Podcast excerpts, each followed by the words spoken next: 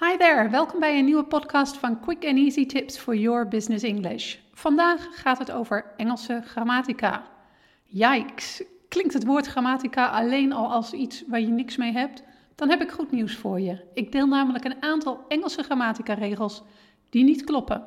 Dat betekent dat je na het luisteren van deze podcast deze vier zogenaamde regels uit je geheugen mag schrappen. Less is more, niet dan? Mijn naam is Anneke Drijver van Improve Your Business English en de auteur van het boek Master Your Business English: Communicate with Power in 7 Simple Steps. Ik help ondernemers en doelgerichte professionals van hun middelbare school Engels af, zodat zij ook internationaal met impact en vol zelfvertrouwen in het Engels kunnen communiceren.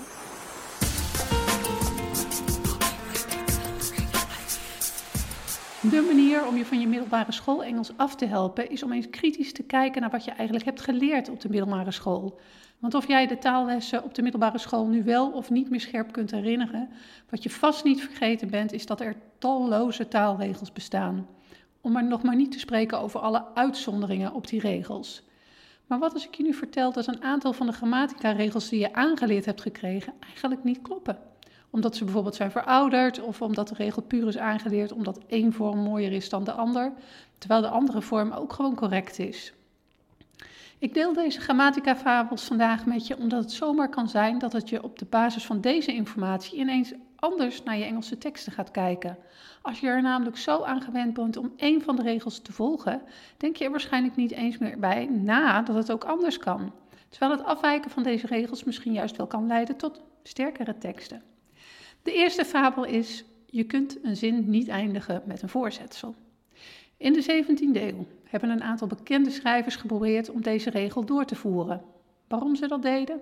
Het Latijn was in die tijd een prestigieuze taal en deze schrijvers wilden het Engels meer op het Latijn doen lijken. Waarschijnlijk om het Engels zo meer aanzien te geven.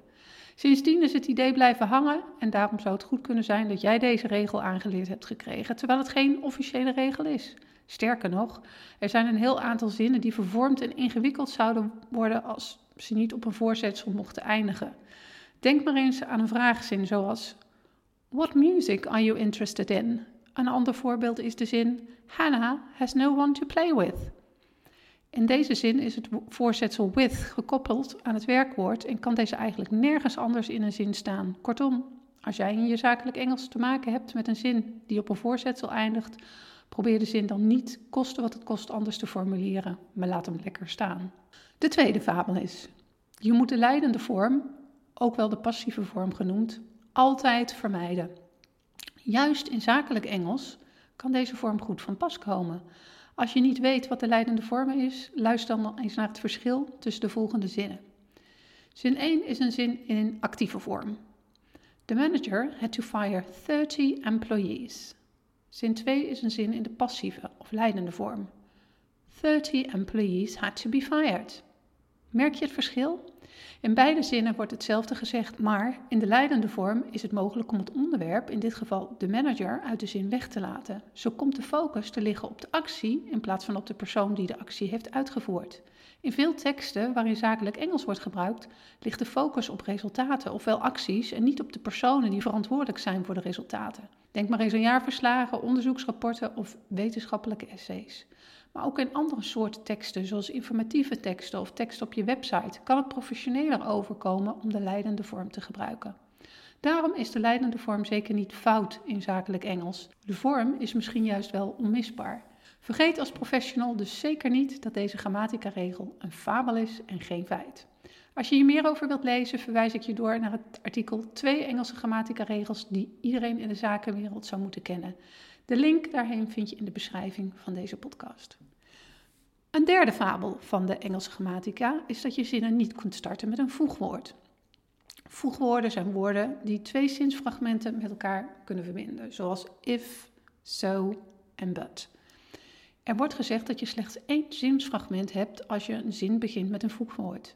Daarmee heb je geen complete zin en zo maak je een grammaticale fout. Dit geldt misschien voor essays die je in moest leveren op de middelbare school, maar ik kan je verzekeren dat deze regel in zakelijk Engels vergeten mag worden. Vaak is het in zakelijk Engels natuurlijker om een zin toch te starten met een voegwoord. Dit geldt bijvoorbeeld als je de keuze hebt tussen één lange zin, die bestaat uit twee zinsfragmenten, of twee korte en krachtige zinnen, waarbij de tweede zin begint met een voegwoord. De vierde en laatste fabel in deze podcast. Dubbele ontkenningen zijn grammaticaal fout. Daarbij wil ik wel direct zeggen dat dubbele ontkenningen wel ingewikkeld en verwarrend kunnen zijn. Ook worden ze weinig gebruikt in schrijftaal, maar toch komen ze regelmatig voor.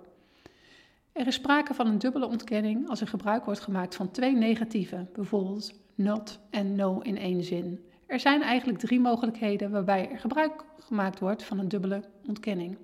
Bij de eerste twee mogelijkheden heffen twee negatieven elkaar op en wordt de zin dus positief. Bij optie 1 geldt echter dat er sprake is van een verzwakte bevestiging. Hiermee zeg je wel ja, maar ben je er niet 100% van overtuigd. Een voorbeeld is: I do not disagree. Je bent het er niet mee oneens, maar toch drukt deze zin twijfel uit. Je bent het er ook niet 100% mee eens en het klinkt alsof er nog een but gaat volgen. Bij optie 2 is een dubbele ontkenning juist een extra bevestiging. Dat geldt bijvoorbeeld voor a free trip. Well, I do not disagree. Dat klinkt juist meer als natuurlijk zeg ik daar geen nee tegen. Het verschil tussen de eerste en de tweede optie is vaak te herkennen aan de, aan de intonatie, oftewel of iets met zekerheid of met twijfel wordt gezegd. Bij de derde mogelijkheid worden twee negatieven juist gebruikt om elkaar te versterken en blijft de zin dus negatief. Hier is bijvoorbeeld sprake van bij de uitspraker: There isn't no other way.